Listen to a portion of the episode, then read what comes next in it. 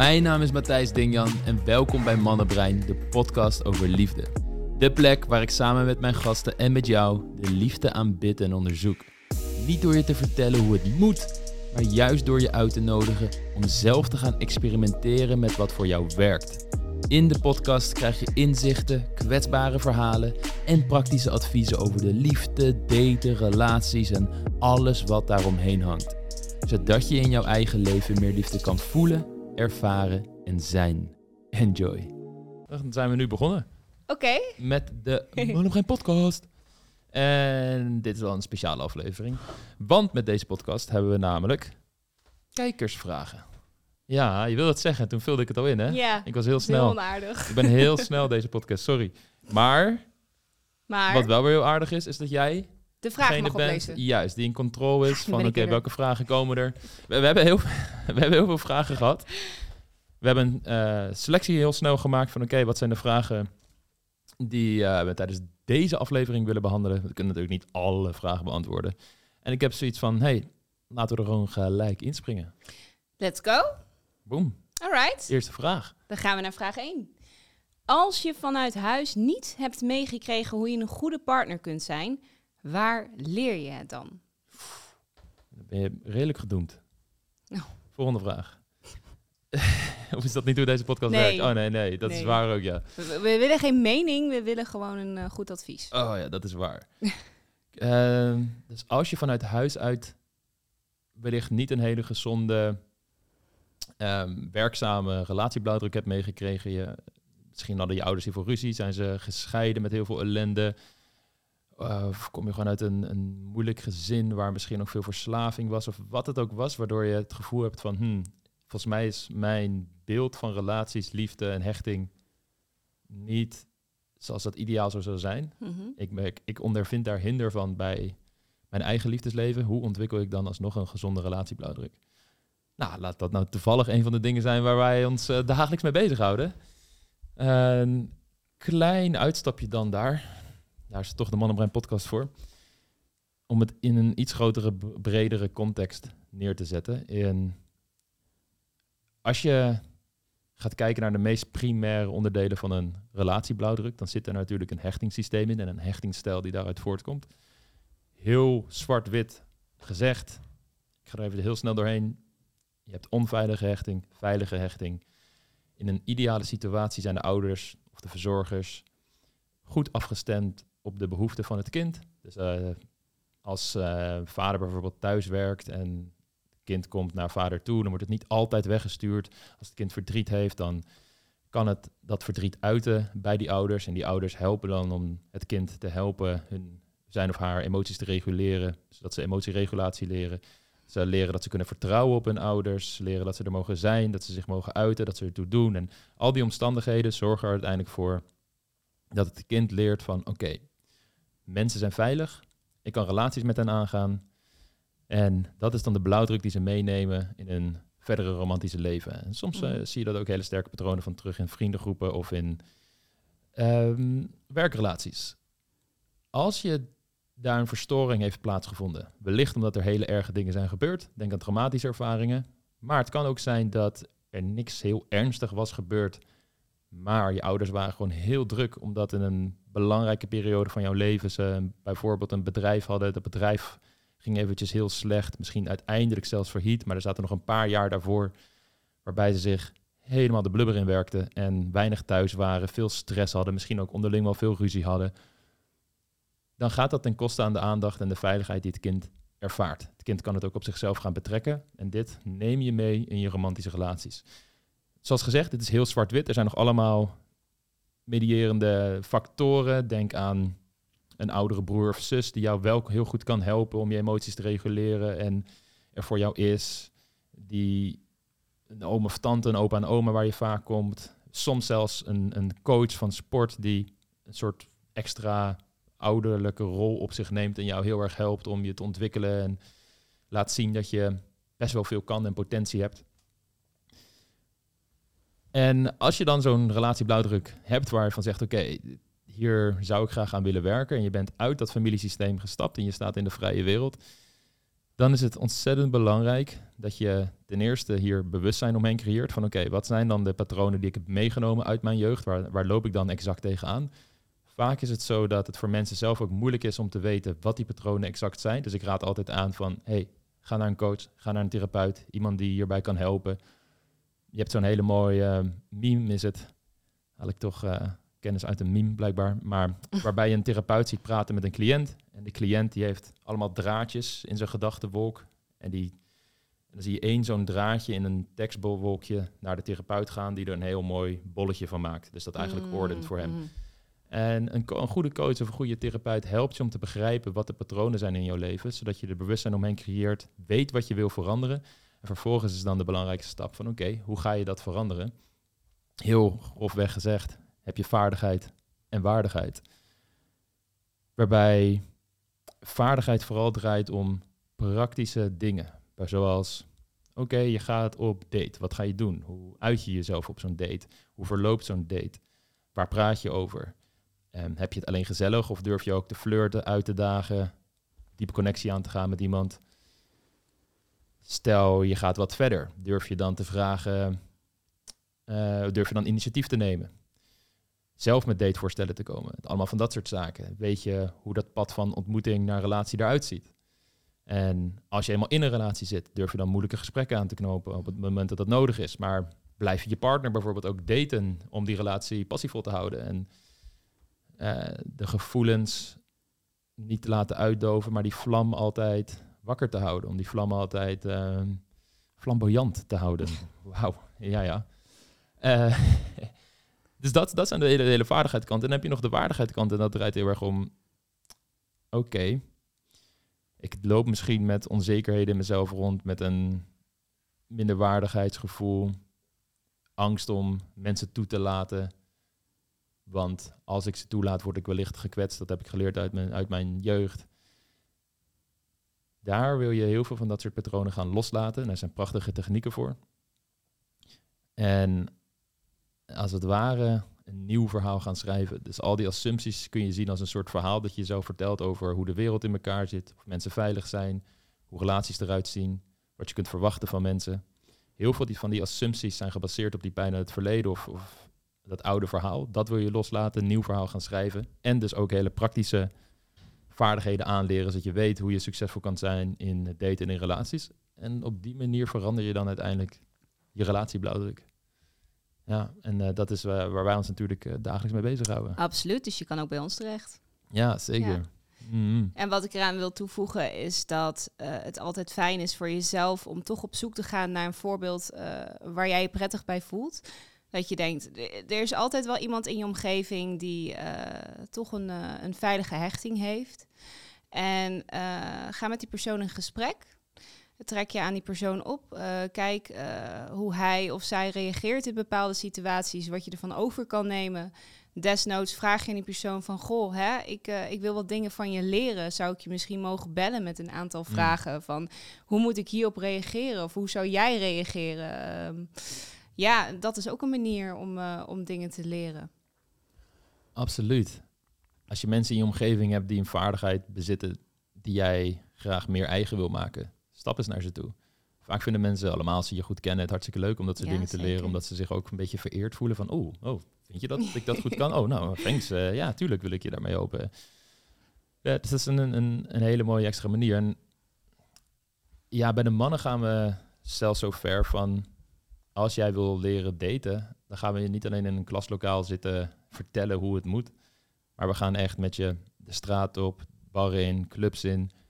Want als jij niet weet hoe je een vrouw moet aanspreken, niet weet hoe je een gesprek gaande moet houden, je wordt continu afgewezen, dan moet je je angst onder ogen komen. Mhm.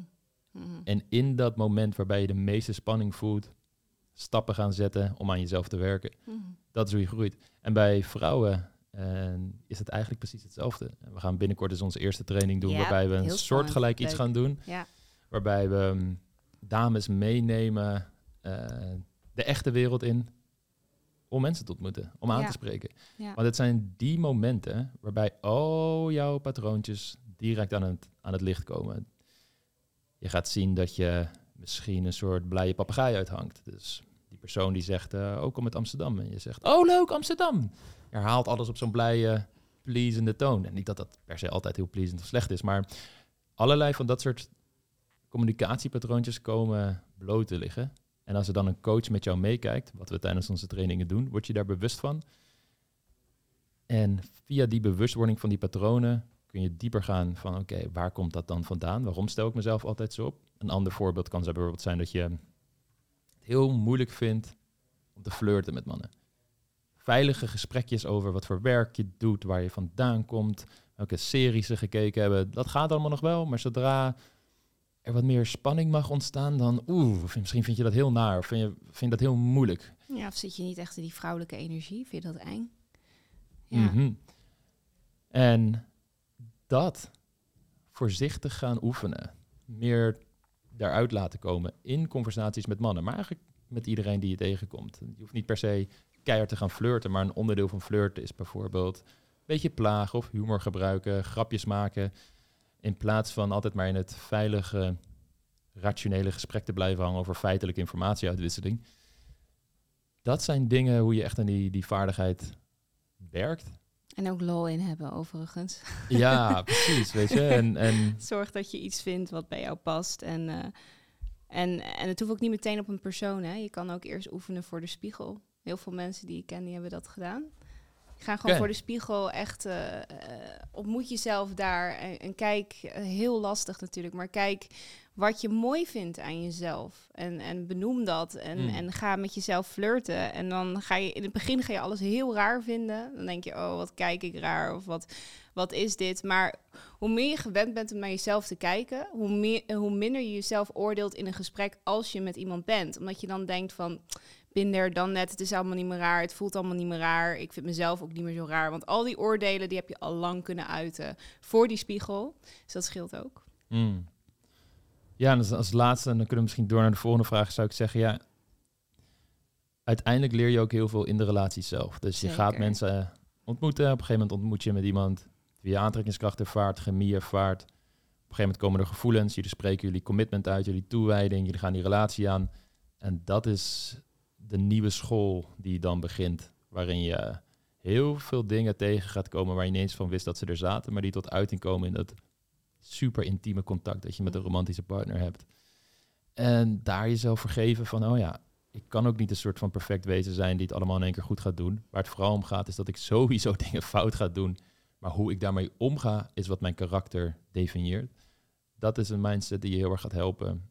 En blijf eh, erover communiceren als ik je mag aanvullen. Ja, ja, ja. Heel belangrijk. Ja. Absoluut. Cool.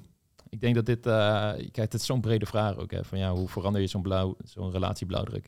Er zijn nog veel meer dingen die je zou kunnen doen. Uh, we maken er heel veel YouTube-video's over, heel veel podcasts over. Dus ik zou ook zeggen, ga vooral die informatie uh, doorzoeken. we kunnen ook nog wat linkjes zetten in de beschrijving van waar mensen nog verder naar kunnen kijken. Maar voor nu denk ik dat dit wel voldoende is, ja. Ja, nou, als je er vragen over hebt, hit us up op DM en dan gaan we door naar de volgende. Jee. Wat kan een man zichzelf niet geven in zijn leven wat hij wel kan krijgen van een vrouw? Oeh. Ja. Wat zou jij zeggen?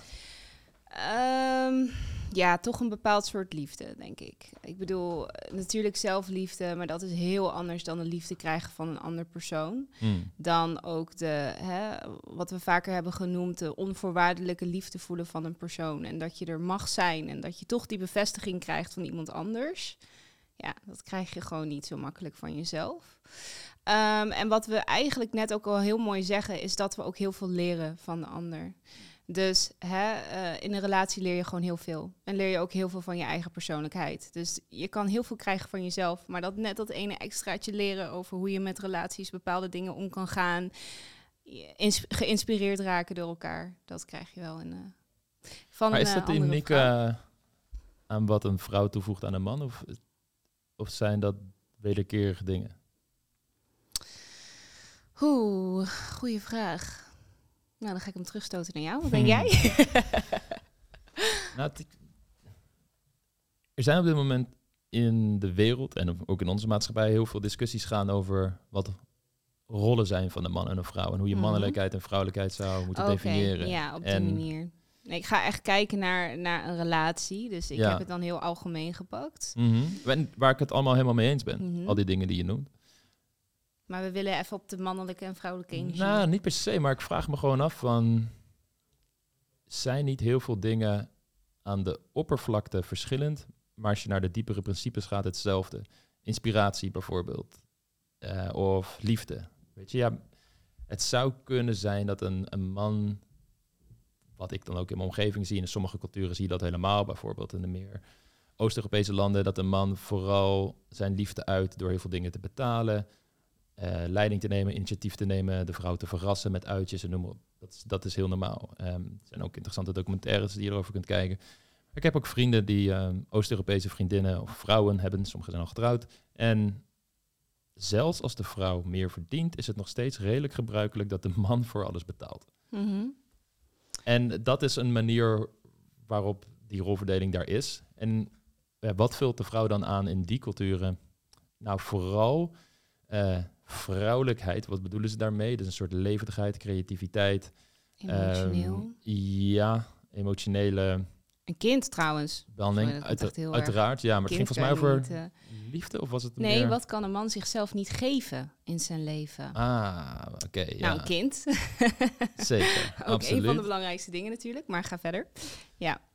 Ja, en daar zie je dus dat daar nog een wat duidelijkere rolverdeling is over wat een vrouw toevoegt aan het leven van een man. Mhm. Eh, dus vooral liefde, verzorging, eh, er voor hem zijn. Ze hebben ook vaak traditionele, traditionelere rolverdeling over meer huishouden, eh, huishoudelijke taken die bij een vrouw liggen en bij een man eh, wat minder. In Nederland is het natuurlijk totaal anders. We zijn hier heel erg van gelijkheid en we zeggen eh, zelfs van, nou ja, weet je, een man die kan ook de eerste date af en toe door een vrouw laten betalen. Dat zie je zelfs hier en daar ook steeds meer opkomen. Niet dat dat door heel Nederland al zo geaccepteerd is of wat dan ook, maar dat zie je wel meer.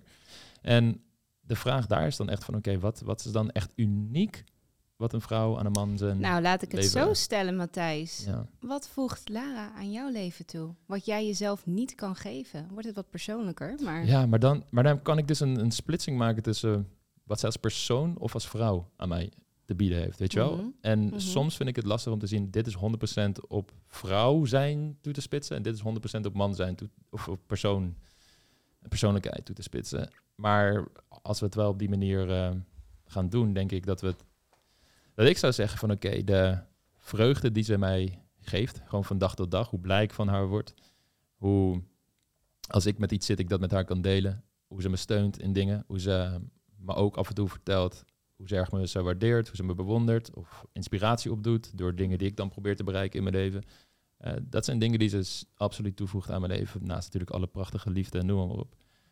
En wat ik zie, ook bij veel mannen, is dat ze heel erg geïnspireerd worden om hun best te doen voor een vrouw om wie ze echt wil Mm. geven. Mhm. Als je ook kijkt naar evolutie, over hoe mensen kijken, hoe, over hoe vooral evolutionair psychologen kijken naar menselijke samenleving. En dan zie je dat mannen zich vooral proberen te ordenen in hiërarchieën, waarbij de mensen die het meest de hoogste vaardigheid hebben in een specifiek menselijk domein bovenaan de hiërarchie staan en krijgen erkenning van de rest. Dat zie je in elk, elk veld. Of het nou voetballers zijn, of het nou wetenschappers zijn, of het nou YouTubers zijn, datingcoaches zijn, wat het ook is. Mhm.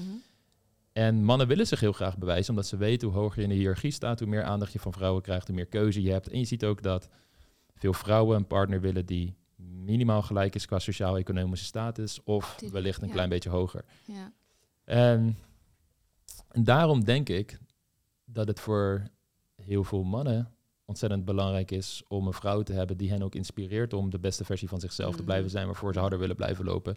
En wat ik vaak zie, is dat mannen ook tegen hun vriendin zeggen van ja, jij vult me niet alleen aan, je maakt me een beter mens. Mhm. En dat stukje is wat ik zou zeggen, dat ervaar ik zo gigantisch in mijn eigen relatie ook met Lara. En waar ik van denk dat dat iets is wat toch wel op een manier veel met vrouwelijkheid te maken heeft. Het gevoel dat je als man gekozen wordt door haar. Een klein beetje ook door, Warmte thuis kan komen. ja, maar ook dat je het leven durft tegemoet te treden, Mhm. dingen doet in de wereld. Ehm, wat we ook mannen leren op, op trainingen. Gewoon eigenschappen aanleren, zoals initiatief nemen, verantwoordelijkheid nemen over je leven. durven gaan voor wat je wil. En zodra je ze die eigenschappen leert, zie je dat ze een aantrekkingskracht Mhm. van meer aantrekkingskracht van vrouwen gaan krijgen. En ze worden er zelf gelukkiger van. Dus ik, ja, dat is een, eh, een wat, wat soort meer evolutionair antwoord wat ik op dit moment zou geven. En dan zijn we waarschijnlijk als je me deze vraag op een ander moment stelt, kom ik weer met een ander aspect wat een vrouw zou toevoegen aan een man zijn leven. Er zijn, er zijn zoveel dingen. Ehm, maar dit, eh, ik denk dat dit een mooie is voor nu. Ja. Zou wil je nog iets toevoegen? Nou ja, ik zit na te denken, maar eh, ik denk dat je het al wel eh, behoorlijk mooi hebt gezegd. Eerst Het zijn ook zoveel, zijn ook zoveel daarna- dingen, weet je wel. Bedoel, Je kan er echt ja. lang over door gaan filosoferen natuurlijk. Mhm. En het ligt er ook maar net aan hoe je de vraag interpreteert, wat je eruit kan halen. Ja, nee, ik denk dat je het, eh, dat je het heel mooi hebt gezegd. Dankjewel. Ja, Nou, dat, dat neem ik toch even mooi mee dan. ja eh, nou, dat doet die vrouw maar weer hè, in je leven. Zo is dat. Lekker Lisa. Nice. Oké, we gaan door naar vraag drie. Wat moet je doen als je een diep geworteld geloof hebt dat je niet goed genoeg bent en niks kan toevoegen aan een man? Hm. Oeh, ja. Mm. Nou ja, ehm, we hebben het ook al in de vorige eh, antwoorden laten blijken van ga vooral eh, met jezelf aan de slag. Als je merkt dat je dit hebt, dan, dan komt het altijd ergens vandaan. Ja. Het kan zijn dat je een eh, onveilige hechtingsstijl hebt, eh, waaruit je ook bepaalde patronen en overtuigingen hebt die, eh, hè, die niet heel goed meer voor je zijn in het hedendaagse leven. Ehm, dus ja, het snelste wat ik kan zeggen is absoluut ren eh, toch naar een therapeut, coach, psycholoog. eh, wat voor jou werkt. Er zijn zoveel mogelijkheden wat je kan doen. Vind je dat eng? Nou, dan heb je ook vaak al online bepaalde cursussen. Nou, die, die bieden wij ook aan. Dan hoef je niet meteen met een persoon te praten, maar ik raad het wel aan. Ehm, Dat voor als je vooral zelf aan de slag wilt. En misschien nog een stap te ver vindt om direct al ja, hulp te zoeken met want ik kan me dat ook voorstellen. Het Ja. is ook wel eh, voor sommige mensen ineens wel een behoorlijke stap als je dat dan toch gaat doen. Maar ja, Ja. dit kun je eigenlijk heel stilletjes thuis al mee beginnen.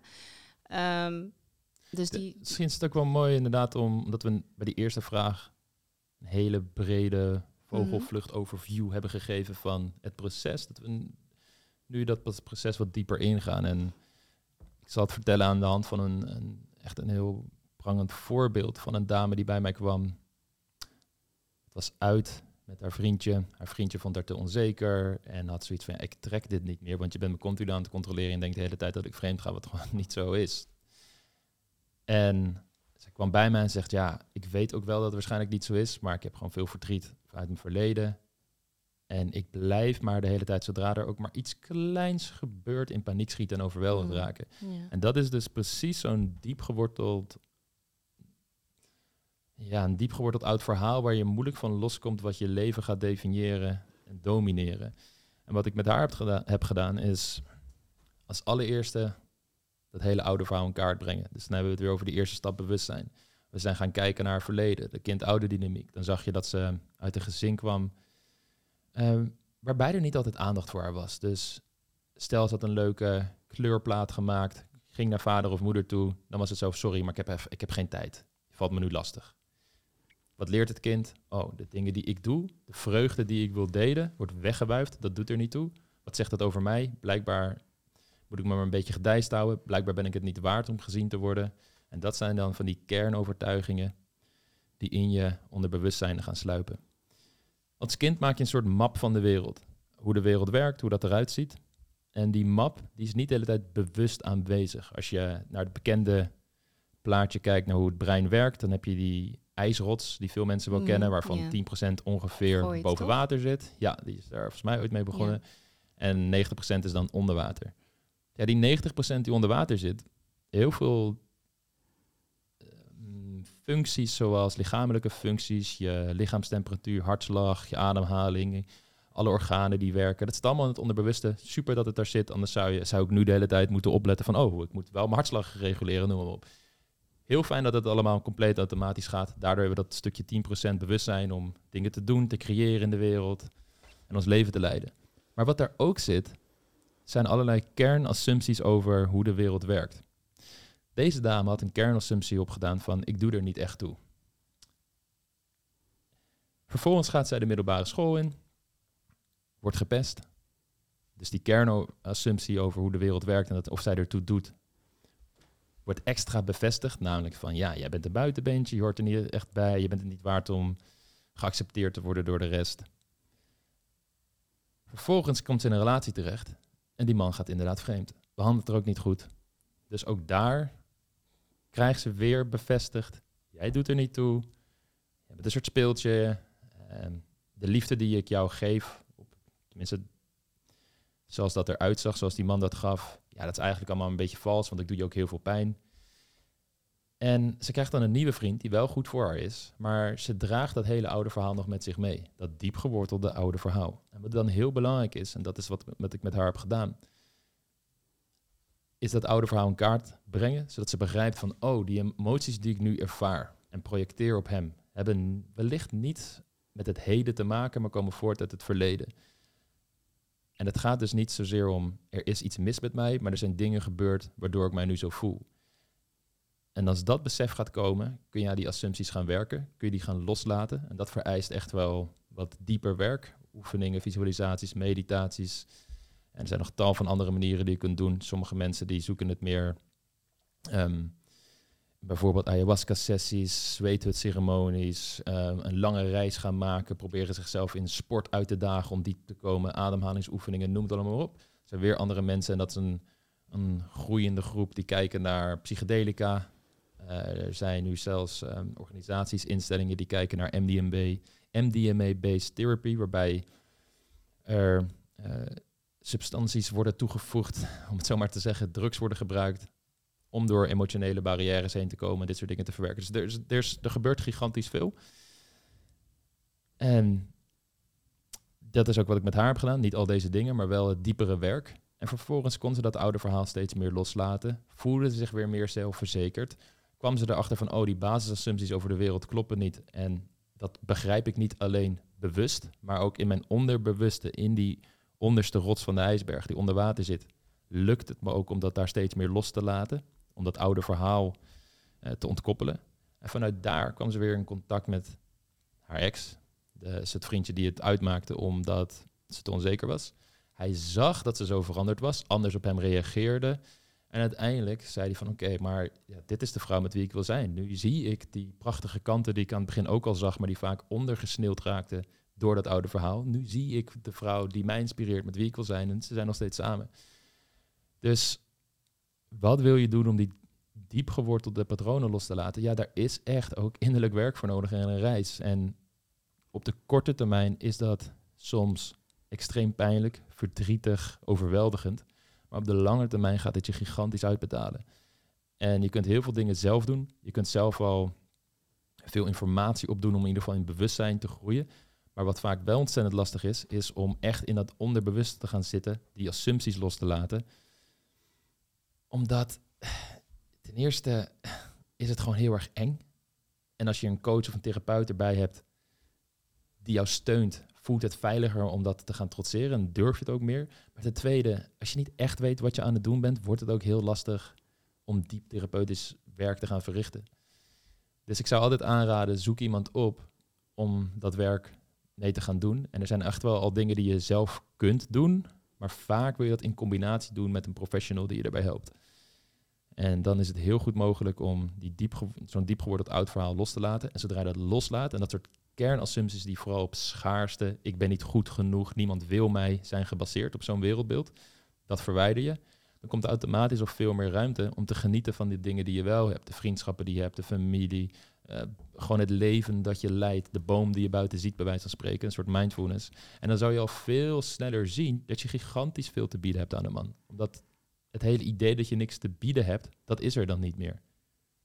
En dat is hoe je uiteindelijk dan in een hele gelijkwaardige, liefdevolle relatie terecht kan komen.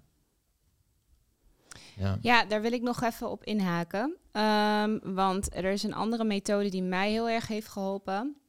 En dat is uh, uh, persoonlijk vind ik de Byron Katie methode heel erg fijn.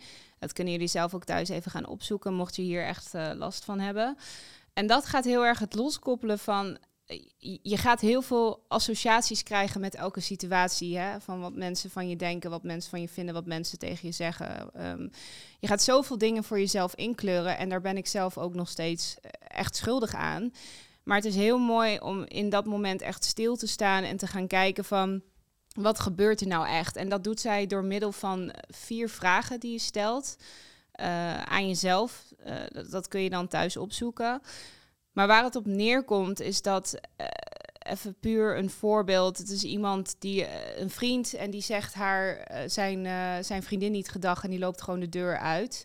Nou, die vriendin die denkt al uit zichzelf van ik ben niet goed genoeg. Dus hmm. die gaat echt denken van, nou, hij zegt me geen gedag en hij vindt me niet leuk en hij kijkt niet eens om. En waarschijnlijk uh, voelt hij de liefde niet meer en, en gaat dit nu zo zijn en raak ik hem straks kwijt. En er gaat van alles in je gebeuren.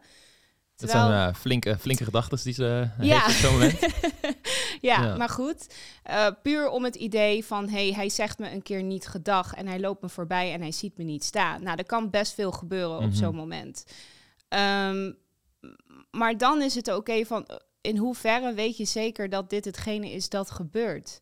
Als je echt kijkt naar de situatie, dan is het een persoon die wegloopt, naar zijn werk gaat.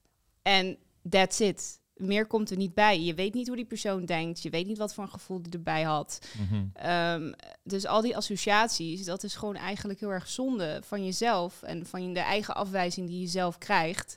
En ze zijn ook helemaal niet per se waar. Dat kun je alleen weten als je het op dat moment aan die persoon vraagt. Dus zelfs dan kan er van alles bij komen. Die persoon voelt zich niet lekker of watsoever. Reageert even kort af, heeft er geen zin in. Maakt ook allemaal niet uit. Maar het hoeft niet per se met jou als persoon te maken te hebben. En dat vind ik zelf een hele sterke gedachte, omdat ik wel merk van, ik kom ook echt uit uh, en nog steeds wel uit een bepaald gevoel van, hey, ben ik wel goed genoeg? Um, en dan denk ik echt bij mezelf, ja, hoe, hoe kan ik weten dat die andere persoon zo over mij zou denken? Of, of ja. ja. Um, en jezelf ook heel erg, uh, want dan hebben we het weer over dat beeld. Hè? Dus uh, wat je zei over Freud met, met de ijsberg. Ook heel erg nagedacht over je ego. Van wat mhm. is ego nou? Dat is echt een vraag die heel erg in mijn hoofd heeft gezeten de laatste tijd. En waar ik ook wel weer heel veel energie uit haal. En dan denk ik, oké, wat houdt dat ego dan eigenlijk in? En wat zegt dat ook over je niet goed genoeg voelen? En um, nu denk ik echt bij mezelf van god, bepaalde patronen heb je daaruit gecreëerd van hè, je bent soms wat liever voor andere mensen terwijl je eigenlijk uh, iets heel anders wil zeggen of je laat over je heen lopen.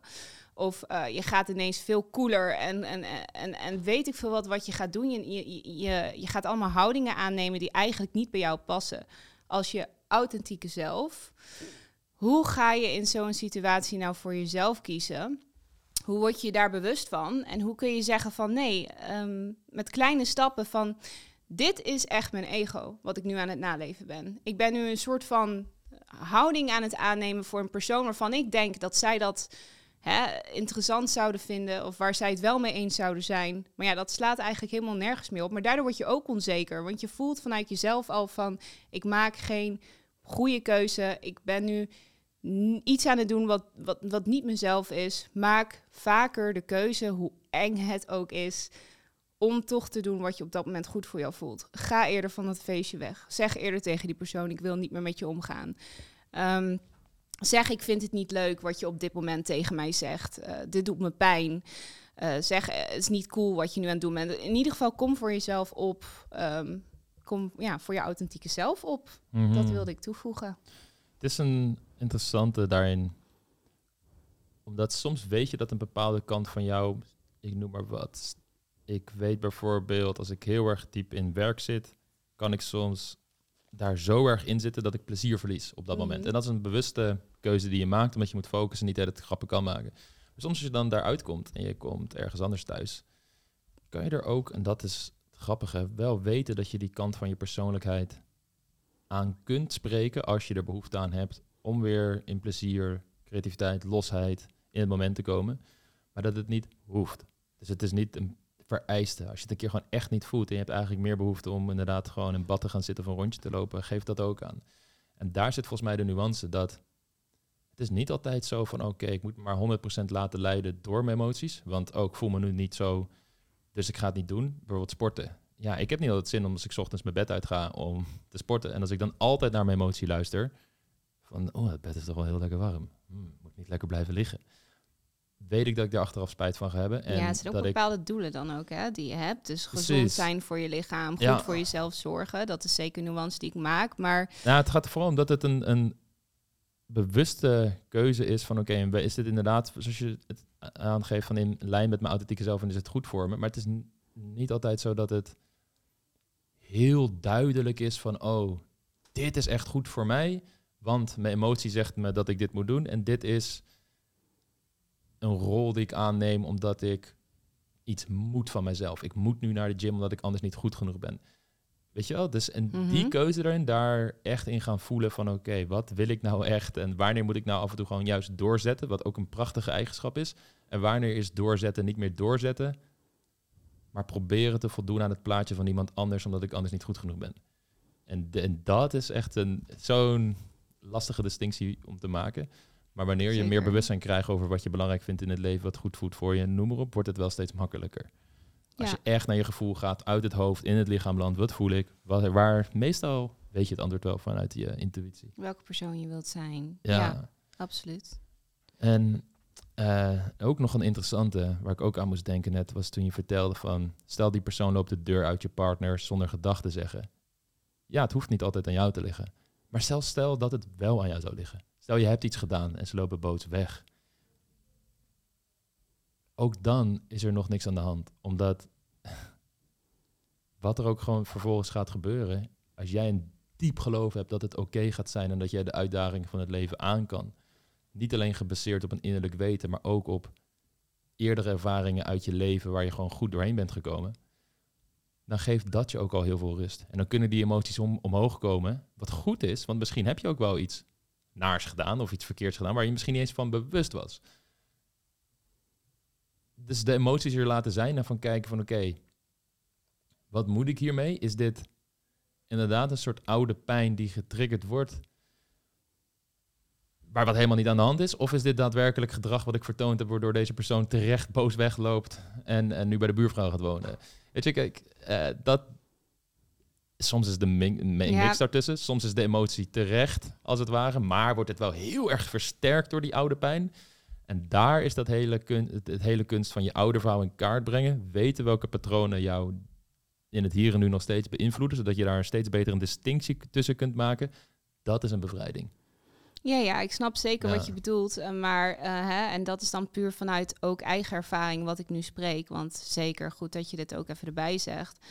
Ik zeg, eh, tuurlijk kan het zo zijn dat het ook daadwerkelijk zo is. Alleen wat je hebt, en, en, en dat is gewoon zo, als jij denkt, eh, over het algemeen, ik ben niet goed genoeg, Mhm. dan iedere situatie betrek je tot jezelf. Eh, Zeker. Dat merk ik ook bij, hè, bij mensen die verlatingsangst hebben en ook wel bij mezelf.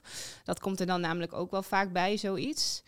Ehm, je, be- je betrekt elke situatie bij Ja. jezelf. Nou, ook daarin kan ik een mooi voorbeeld geven. eh, niet per se met wie die persoon is, maar eh, ik had dat laatst ook met iemand die bij mij was. En ik zat met die persoon in gesprek.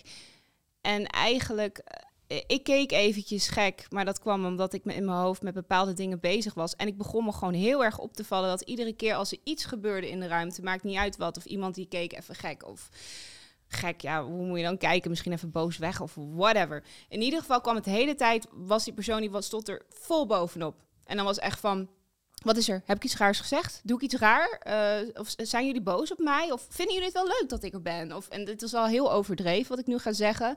Maar dat kwam in een bepaald... Hè, dat, dat gebeurde in dezelfde situatie. En het gebeurde gewoon een aantal keer dat Mm. zoiets naar voren kwam. Toen dacht ik ineens, jee... ehm, wat een, wat, een, wat een vervelend gevoel moet dat voor jou zijn. Dus ik heb Ja. diegene ook apart genomen. En ik heb gezegd, god, hoe voel je je eigenlijk in deze situatie? Want ik herken het tegelijkertijd ook bij mezelf. Maar ik denk, waarom eh, betrek je alles zo op jezelf? Want er zijn zoveel dingen op dat moment aan de hand die helemaal niks met jou te maken hebben. En dat klinkt misschien ook niet aardig op dat moment, maar het is wel de waarheid. Ja, Ehm, ik op dat moment was even bezig met iets bij mezelf. Dat betekent niet dat ik jou afwijs, omdat ik het vervelend vond dat jij tegen mij aan het praten was. Ik was gewoon heel even met iets voor mezelf gefocust. En dat bedoel ik met die man die wegliep. Dat was Mhm. ook echt een situatie die zij, kan zij ook veel mooier beschrijven dan ik deed hoor. Maar als je dit terug wil horen, dat, dat, dat bespreekt zij ook in Mhm. haar eigen boek. Ehm, en dan zegt zij ook, die, die vrouw die dacht al die dingen erbij, maar met die man was uiteindelijk helemaal niks aan de hand. En die Mhm. werd er eigenlijk een beetje moe van, dat iedere keer als hij iets deed, dat daar iets achter stond. Ja. En dat zorgde ervoor dat hij uiteindelijk inderdaad wegging, omdat zij constant in die oude patronen zat, constant in die geloofsovertuiging. Terwijl het met kleine dingen al was, er niks in de hand was. Hij ging gewoon daadwerkelijk naar werk. Ja. Dat is ook het achtergrondverhaal. Hij was er niet eens mee bezig, want hij zat zo in zijn geloof dat alles gewoon goed zat. Dat hij gewoon Mhm. even vergat om een kus te geven. Maar in zijn hoofd was alles gewoon oké. Terwijl zij ervan maakt van hij vindt me niet meer leuk, hij gaat bij Mhm. me weg. En het werd gewoon heel heftig. Ja, het is een klassiek voorbeeld van, van een oud verhaal. En je ziet het ook vaak tijdens trainingen die we geven, dat mensen zichzelf hardop aan het analyseren zijn. Ja, oh, klopt. was dit niet een Ja. beetje gek wat ik nu doe? Of, oh, hoe is dit? Of, oh, ja, ah, ik kan dit niet, ik kan dit niet. En je ziet dat de innerlijke criticus het overneemt en zelfs hardop, verbaal, het woord overneemt en hun gedrag gaat dicteren. En daar zitten inderdaad heel veel van die patronen uit het oude verhaal. Het zit op drie vragen volgens mij, hè? Volgens mij moeten we een podcast van drie uur maken nu. Oh, wat erg. De tijd gaat echt snel. Ja, zeker. Maar let's go, volgende vraag. Oh, moeten we het even iets korter houden, denk ik. Ja, Ehm, anders een deel 2 maken, ook goed. Ehm, wat doe je als hij contact blijft houden met meiden die duidelijk meer van hem willen? Daarbij hoort hij weigert het contact op te geven en zegt dat ze vrienden zijn. Ja, ik kan wel zeggen wat. eh, ehm, ik, ik, ik krijg dit vaker. Eh, ik doe dan ook de DM's, dus ik krijg dit soort vragen krijg ik vaker. Ja. Ehm, het eerste wat bij mij dan in me opkomt, is dat ik wel zeg van, goh, kijk, eh, je moet altijd met die persoon open blijven kunnen communiceren over dat soort dingen. Nou, dat heeft ze dus in dit geval ook gedaan. Ehm, en dan zeg ik altijd heel hard, maar ik ben ook, wel, ben ook wel benieuwd hoe jij daarover denkt. Ik zeg, kijk, het maakt ook niet zo goed uit hoe, hoe hij dat per se ziet in dat contact. Hè? Je moet gewoon duidelijk je grenzen kunnen aangeven. En als dat is voor jou als persoon, wat echt ontzettend belangrijk is, dat hij dus niet dat contact heeft met die personen. En hij wil dat wel heel graag. Oké, nou ja, goed, dan, ehm, dan is dat maar zo. Maar dan, dan is er dus ook iets dat jullie op een bepaalde manier niet helemaal bij elkaar passen. Of jullie behoeftes niet overeenkomen. Want het maakt eigenlijk op dat moment ook niet eens meer uit of hij nou fout is, of dat zij nou fout is en zij jaloers is of watsoever. Dat, dat is natuurlijk echt wel een ding dat meespeelt. Maar het punt blijft, als hij dat wil en zij wil dat niet, dan hebben we daar wel een duidelijk probleem. Ehm, en dan moet je gaan nadenken van in hoeverre hè, passen jullie dan wel qua behoeftes en bepaalde dingen die jullie nodig hebben in een liefdevolle relatie van elkaar echt bij elkaar. En in hoeverre kunnen jullie een compromis sluiten. En als dat niet mogelijk is, dan is dit wel een, een, een behoorlijk probleem wat wel echt, ja, Het- Zegt ze in, Mensen- in de... Helemaal mee eens trouwens. Zegt ze in de vraag of, het, of hij ze vriendinnen noemt? Of wat zijn het?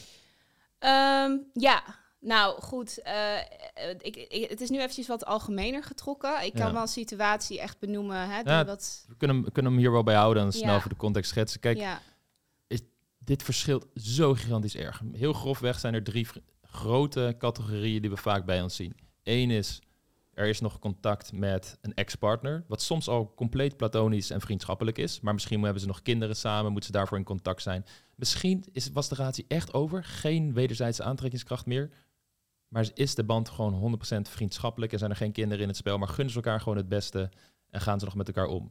Dan heb je een situatie dat het soort van eh, meiden zijn die, of vrouwen zijn met wie die misschien een beetje over DM heeft gepraat of wat dan ook. En ja, dat is altijd wel een beetje een loesje situatie, zou ik zeggen. Dat is denk ik ook de situatie waar het hier om gaat. En de derde situatie is van, oké, hij heeft gewoon een normale vriendin, nooit relatie mee gehad, nooit seksuele interesse in gehad. En hij kende haar al heel lang voordat hij jou kende. En de vraag is dan altijd, is het überhaupt mogelijk of mannen en vrouwen platonisch vriendschappelijk met elkaar kunnen zijn? Overduidelijk, ja, dat is mogelijk. ja, ook mee eens. Maar dat zegt niet dat iedereen dat ook doet. Of dat mannen die zeggen dat ze dat kunnen, zich er ook aan houden. En andersom. Zijn er heel veel mannen die vriendschappelijke relaties aangaan met vrouwen in de hoop dat het wellicht ooit wat meer kan worden? 100%. En als ik dit bericht hoor of lees, nou, ik lees het niet, jij leest het, ik hoor het inderdaad, dan denk ik dat het in die tweede categorie valt. En dan gaan wel bij mij heel veel alarmbellen af. Ja, dan denk ik, oké, absoluut. dat is gek. Omdat als je echt toewijding laat zien aan één persoon, en ik ga er eventjes vanuit dat ze dat hebben afgesproken, gesproken, monogame relatie ga ik dan vanuit. En je wil contact aan blijven houden met mensen die potentiële seksuele partners van je kunnen zijn, Mhm. dan zorgt dat voor onnodig veel reuring en spanning in een relatie die er helemaal niet thuis hoort. Dat zijn wel alarmbedden waar je echt met hem over wil spreken van luister, hoe zie jij mij en hoe zie je een relatie? Hoe zie jij dan vrouwelijk en mannelijk contact? Wat als ik met een paar jongens die mij nog berichten sturen, waar ik nooit wat mee gehad heb, en misschien zelfs nooit heb ontmoet, maar wat zou jij daar dan van vinden? En als hij daar allemaal niet in kan komen, of hij zou zeggen, ja, dat vind ik vervelend, maar bij mij is het anders, want bla bla. Dat zijn wel vaak de verhalen die ik bij me krijg, dat het achteraf toch iemand blijkt Mhm. Ja. die misschien niet eens tijdens de relatie al vreemd ging, maar niet toegewijd is aan de relatie op een niveau dat het langdurige bestaansrecht, of bestaansrecht heeft sowieso, maar een grote bestaanskans heeft. Maar dat het waarschijnlijk dat hij zoiets heeft van ja, deze relatie is voor nu leuk, zie wel hoe lang het duurt, ik heb hier en daar nog mijn twijfels. Soms uiten ze die twijfels al bij anderen. En Ja. da- ik vermoed dat het hier wel aan de hand is, ja. Ja, maar ik vind het ook wel, eh, want eh, dit zijn er sowieso ook twee situaties die ik nu ook al meteen in mijn hoofd heb. Maar dat ik denk, ja, god, eh, in hoeverre zijn die mensen überhaupt dan ook belangrijk voor je? Want bij één was het zo, dat was een persoon die, die man was bevriend geraakt met zijn scharrels. Ja, nou, dan snap ik dat dat een beetje gek is, dat je daar dan allemaal contact blijft houden. Dus dat waren eerst je scharrels, een aantal, en dan ben je er nu vrienden mee. Maar je hebt nu wel een vriendin en die zegt, nou, ik vind het toch niet zo prettig, want ik zie duidelijk dat ze toch hè, iets van je willen. 100%. Ja, sorry, maar dan vind ik het terecht. Eh, dan denk ik, ja, ik zou hier ook mijn grens trekken. Ik bedoel, eh, hoe, hoe belangrijk ben ik dan voor je? Hoe serieus neem je mij? Precies wat je zelf zegt. Ja. Ehm, en als jij dan zegt van, nou, je moet, no- je moet niet zo zielig doen en, eh, en het zijn gewoon vriendinnen en daar heb, jij, je daar heb je verder niks over te zeggen. Ja, daar gaat voor mij wel echt even een stap te ver. De meeste mannen denken in dat geval, ja, maar we zijn gewoon vrienden. Maar ondertussen Mhm. voelt hij wel van, ja, voor nu. Ja. En Ja, als het uit is, klop ik weer bij hun aan, ga ik weer met ze afspreken en belanden we in bed. En dan dacht ik, oh, we zijn toch weer met elkaar in bed beland. Oh, dat had ik niet aanzien komen. Terwijl in zijn gedachten 9 van de 10 keer daar al lang mee bezig was. Ja, Ja, eens. wegwezen mannen. Volgende. Wegwezen. Oké. ehm, hoe zorg je dat hij je op een tweede date vraagt?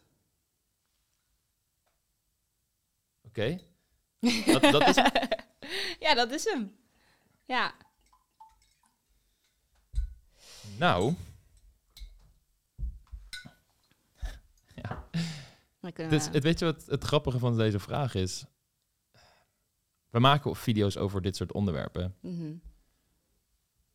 En er zijn wel degelijk dingen die je zelf aan kunt leren, waardoor je de kans vergroot door bijvoorbeeld een slim berichtje te sturen, dat hij daar makkelijk op in kan haken en je op tweede date durft te vragen. Maar waar het vooral om gaat, is, is eigenlijk gewoon dat je de meest aantrekkelijke van je versie van jezelf bent op die date, zodat hij initieel al de behoefte heeft om jou op tweede date te vragen. Ja. Meer hoef je niet te doen. En als hij je niet op tweede date vraagt, is er een hele grote kans dat het niet aan bindingsangst ligt, niet aan de drukte op zijn werk, niet aan eh, de hamster die ziek op bed ligt, maar dat het toch aan interesse ontbreekt. En misschien vindt hij je wel seksueel aantrekkelijk, misschien vindt hij je wel leuk, misschien was er wel chemie, maar ontbreekt er de absolute wil om jou nog een keer te zien. Mhm. En betekent dan dat het contact gelijk geen kans van slagen heeft? Nee, die gevoelens kunnen nog groeien. Dat, dat is zeker een ding. En in dat geval zeg ik dus ook, hey, er zijn wel berichtjes die je kunt sturen die de kans Mhm. vergroten dat je elkaar nog een keer gaat zien. Maar in principe hoort dit wel redelijk automatisch en gewoon soepel te gaan. Mhm.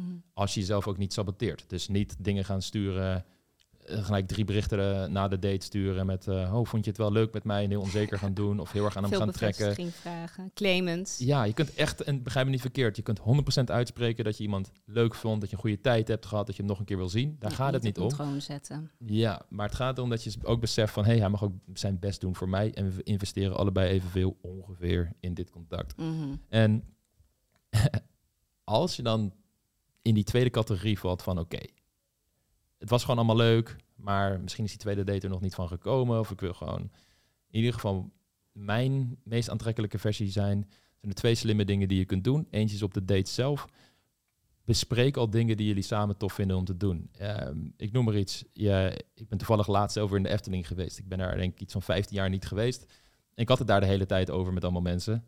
Van, ja, ik wil eigenlijk wel een keer heen. Ik vond het best wel tof. Uh, ik hou nou echt van, van pretparken. Ja, stel je bespreekt dat op een date. Van, nou, ik ben er al zo lang niet meer geweest. En hij zegt, oh ja, ja, vind ik ook echt super tof. Ja, wie weet gaan jullie tweede date wel naar de Efteling. Mm Zou zomaar kunnen. Um, het kan ook om veel kleinere dingen gaan natuurlijk. Maar in ieder geval een activiteit waar jullie beide zin in hebben. Bespreek het op de eerste date. Heb je een makkelijk haakje om daarna op in te haken.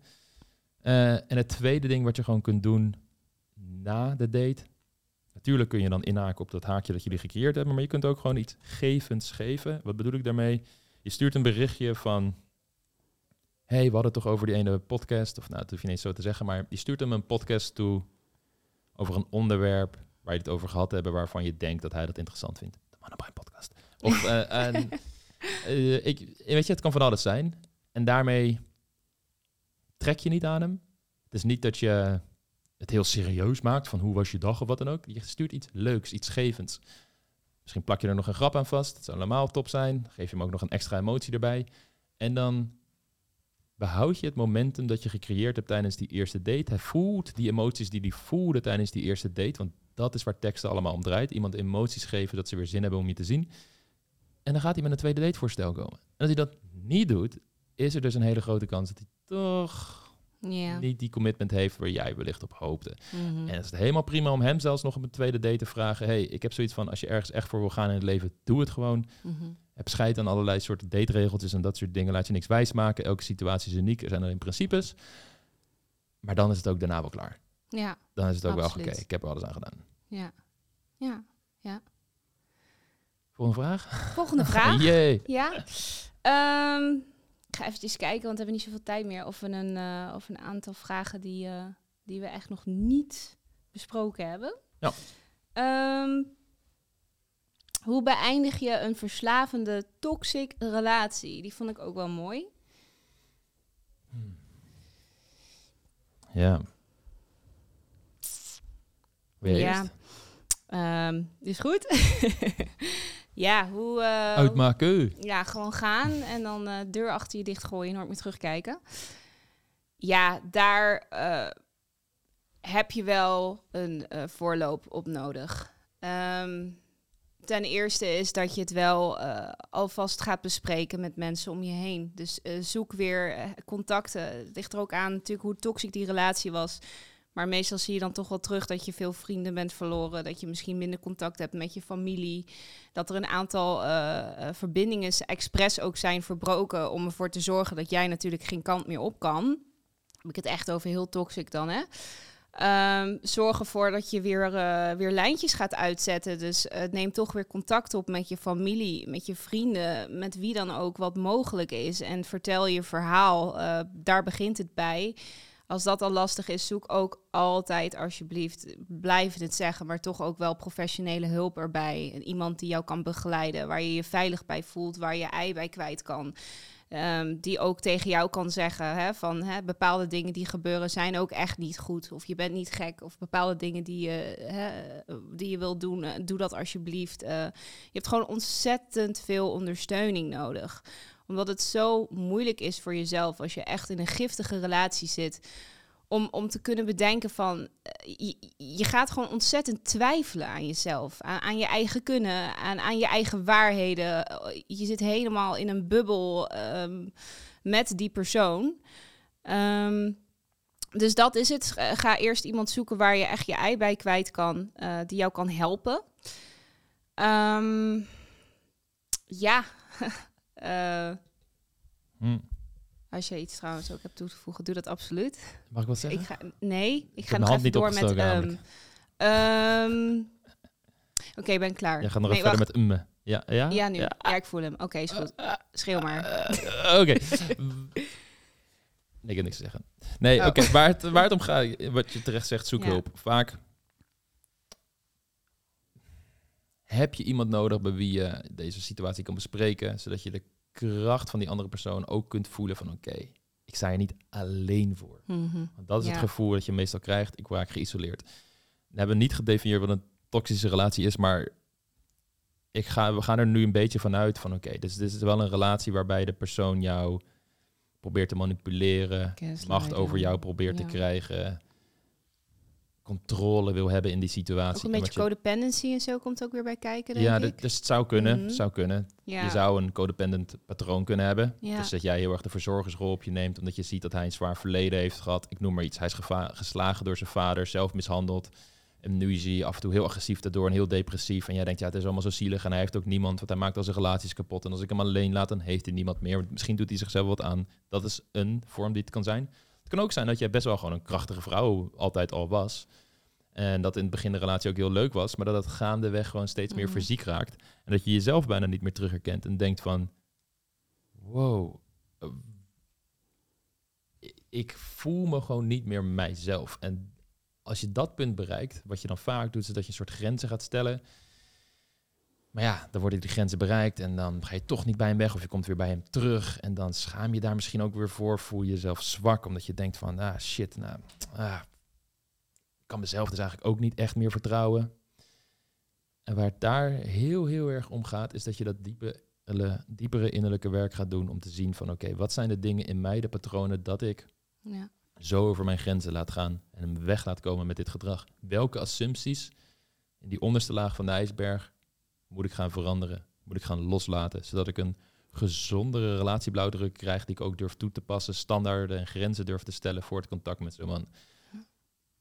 En dat kun je al stiekem doen. Dus gewoon podcasts gaan luisteren, YouTube-video's bekijken, meedoen aan cursussen. Je kunt het ook gaan doen door je direct aan te melden bij een therapeut, bij een coach die je daarbij kan begeleiden.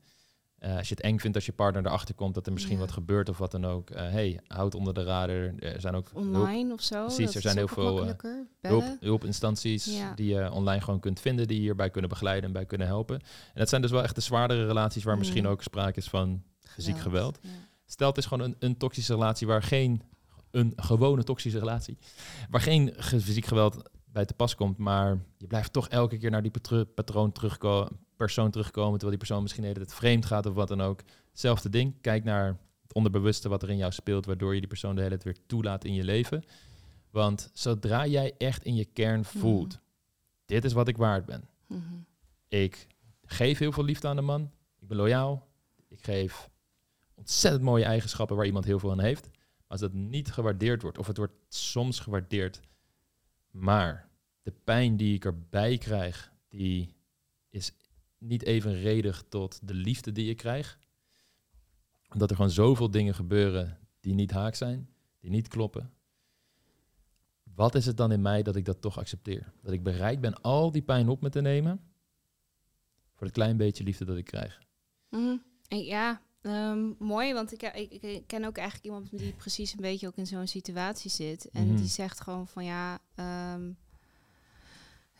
die, die, vindt, die, die, die weet ook wel dat het beter is, maar die, die vindt de, de pijn, dat horen we dan vaker, de pijn van het weggaan. Het voelt Mhm. zo ondraaglijk Ja, dat ze bang zijn dat het hun kapot maakt als ze weggaan.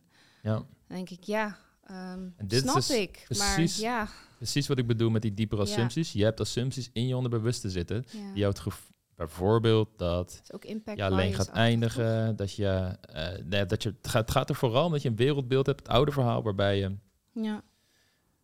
niet dat ver- fundament van vertrouwen in jezelf Ja. hebt. Niet in contact staat met je echte, echte kracht. En je denkt ook altijd dat het erger gaat zijn.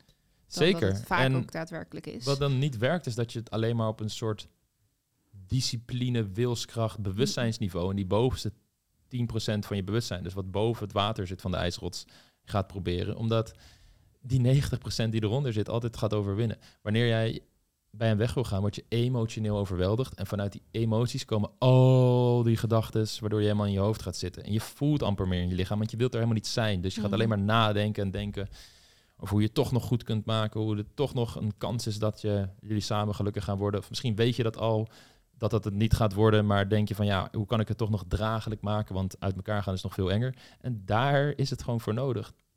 Dat je die angsten gaat confronteren, die emoties gaat verwerken. Want je kunt het zo zien. Je bewustzijn is een soort van desktop van een computer. Elke em- emotie is een mapje op die computer. En elke gedachte zijn een soort Word-documentjes of foto's in die mapjes. Wat heel veel mensen doen, is dat ze die gedachten gaan proberen te veranderen. Dus ze gaan proberen te veranderen, ik kan wel zonder hem. En het komt allemaal goed. Mhm. Dat zeggen ze dan rationeel tegen hen. Dus dat is een heel bewust proces. Maar zodra ze even moe zijn of er is een trigger, komen al die Ja. onderbewuste patronen naar boven. Die overweldigen hen, die zitten er al veel langer in, zijn veel sterker. En die geven hen de emoties. En woep, ze worden weer helemaal overladen. En dat gevoel wil je vaak wegstoppen. Dat wil je, dat wil je niet ervaren. Maar als je het gevoel juist tegemoet treedt, vrijwillig, en je gaat het verwerken, loslaten en je gaat die assumpties veranderen in het onderbewuste, dan is het alsof je dat mapje op je desktop verwijdert en daarmee automatisch al die gedachten die daarin zaten, al die documentjes die in dat mapje zaten, ook loslaat. En dat is het niveau waar je echt aan de slag wil gaan, vooral met het loslaten van toxische relaties, want die emoties die gaan jou blijven beïnvloeden, die blijven jouw leven runnen. En als je niet op dat niveau aan de slag gaat, wordt het heel moeilijk om je uit zo'n situatie te halen. Ik wil daar ook aan toevoegen, ehm, en dat is heel radicaal. Maar ga bepaalde beslissingen maken waarbij het gewoon moeilijk is om terug te, terug te gaan. Dus ehm, eh, zorg al dat je je spullen hebt ingepakt en zonder erbij na te denken. En dat je al een afspraak hebt gemaakt om, om bij iemand te gaan eh, slapen. Of maak bepaalde keuzes van je weet van oké, als ik dit nu doe. En dat gaat ontzettend veel pijn doen. Maar dat is echt een keuze die ervoor zorgt dat ik eigenlijk niet meer terug kan gaan. Eh, of, of, of aangifte doen. Of ik weet natuurlijk niet wat er allemaal speelt. Maar er zijn gewoon heel veel dingen die je kan doen. En dat je denkt, oké, ja, dit is, eh, dit, nu is er geen weg meer terug. Ja. En ehm, dat kun je heel, eh, ja, dat klinkt heel gek. Maar ehm, daar hoef je, dat kun je gewoon heel ondoordacht doen. Mm. je kan gewoon denken, van, ik ga dat gewoon doen. En ik ga er niet te veel bij nadenken, want dan ga ik nu al spijt hebben. En ik weet niet wat er gaat gebeuren. En dan ga je te veel in dat riedeltje mee. Als je jezelf die kans geeft, dan weet je ook altijd dat je weer eindigt met ik ga het toch niet doen. En dan zijn het allemaal gedachten in je hoofd die je nooit waar gaat maken. Ja. Als jij bepaalde dingen hebt waarvan je weet, dit is een stap die ik kan ondernemen, maar ik ga er te veel over denken, doe het een keer niet. Neem de stap per direct en zie wel wat eruit komt. En ja, dat, ehm, dat is ook wel iets wat ik aanraad. Ik heb er nog één kleine vraag over aan Mhm. jou wel. Want als iemand dan ook zegt, eh, dat hoor ik dan ook vaker van ja, maar het is nog niet mijn tijd. Dan denk ik, ja, wat, wat zeg jij daar dan op? Wat bedoelen ze daarmee? Het is nog niet mijn tijd om te gaan. Ik weet dat het echt heel erg eh, dat, het, dat het heel moeilijk is, maar ik denk dat het nog niet mijn tijd is. Dan denk ik altijd, ik vind dat altijd een, ja, Ja. een bijzondere reactie. Maar ik denk, oké, ehm, hoe reageer jij daarop? Mhm. Er zijn twee dingen die daarbij spelen. Eén is, het is niet mijn tijd, het is slechts een overtuiging die ze hebben aangeleerd die hen niet dient, overduidelijk. Maar aan de andere kant, het leven is ook niet 100% maakbaar. En sommige beslissingen weten we dat we ze moeten nemen, maar hebben we tijd nodig om de moed te vinden om die beslissing te maken. Om echt contact te maken met die kracht die in ons zit. Ondanks dat we het rationeel misschien allemaal wel begrijpen moet die emotionele klik daar nog gaan plaatsvinden. En wat ik dan zou zeggen is van oké, prima, ga maar kijken dan wanneer het zeg maar jouw tijd gaat worden. Wat is daarvoor nodig? Welke informatie moet je daarvoor hebben? Of welke gevoelens moet je daarvoor kunnen toelaten? Blijf hier wel aan werken. Blijf Mhm. jezelf wel verdiepen in wat kan ik doen om mijn situatie te ver- verbeteren. En soms hoor je dan net dat ene ding of je maakt die ene ervaring mee waar je zegt, dit nu is het genoeg. En Mhm. het klikt en opeens komt die kracht wel in je vrij. Dus het is aan de ene kant iets- een overtuiging die je gewoon tegenhoudt. En hey, sommige mensen zal het lukken om die overtuiging te veranderen en te denken, ja, wacht eens eventjes, niet mijn tijd. Het is niet Mhm. alsof het een soort generale repetitie dit leven. Nee, weet je, nee. Eh, het is de hele tijd mijn tijd. Ja. ja. En elke dag die ik spendeer in een relatie die echt mij zielsongelukkig maakt, is een dag te veel. ja. Dus dat is een kant. En sommige mensen zal dat lukken. Maar andere mensen die een ander verhaal hebben, andere context, in meka- anders in elkaar zitten, die zullen wellicht net een extra zetje nodig hebben. En zolang ze daar wel naar blijven zoeken, ja, dan kan het soms wat langer duren. Maar dat is het leven. Ja. Oké. Ja, ja, ik denk dat dat een mooi is om hem af te sluiten. Voor de mensen die op YouTube kijken, laten we dit, laten we dit nog een keer doen. Ja. En eh, laat ons gewoon extra vragen weten in de reacties. Dan zullen we die vragen ook meenemen in uh, volgende podcast waarbij we vragen gaan beantwoorden. En voor de mensen die op Spotify of andere platforms luisteren, stuur ons gewoon op Instagram een DM. Daar gooien we meestal ook stories eruit waarin we vragen stellen aan mensen, kijkersvragen verzamelen. Uh, dat doen we meestal alleen via Instagram. Um, dus als je meer met ons in contact wil zijn, volg ons vooral op Instagram, Mannenbrein. YouTube-kanaal het ook Mannenbrein voor de Spotify-luisteraars. En um, ja, mocht je nog... Weet je, dit zijn allemaal, toch stiekem wel een beetje zware vragen. Maar geef ook maar gewoon die vragen van... Uh, hey, wat zijn leuke um, date-ideeën of berichtjes om te sturen? Of een soort van uh, meer, meer dingen die ook op de prachtige, leuke, speelse kant van de date gericht zijn? Of hebben die dat allemaal onder controle? Misschien wel, hè? Misschien dat dit ook, uh, dat dat gewoon helemaal niet speelt. Ja. Maar ik weet uit ervaring dat het niet zo is. Dus uh, ik vond het in ieder geval heel tof om te doen. We hebben niet alle vragen kunnen beantwoorden, maar uh, we gaan gewoon meer vragen verzamelen, weer een nieuwe selectie maken en gewoon nog een aflevering uitgooien. Lisa. Ja. Heb je afsluitende woorden? nee.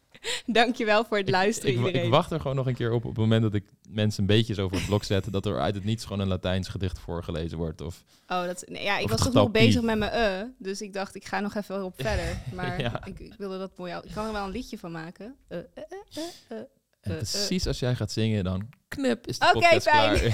klaar. Alright, dat was het. Hey, bedankt allemaal voor het luisteren. Tot de volgende keer en arrivederci. Oké, okay. doei. doei. Ciao, ciao.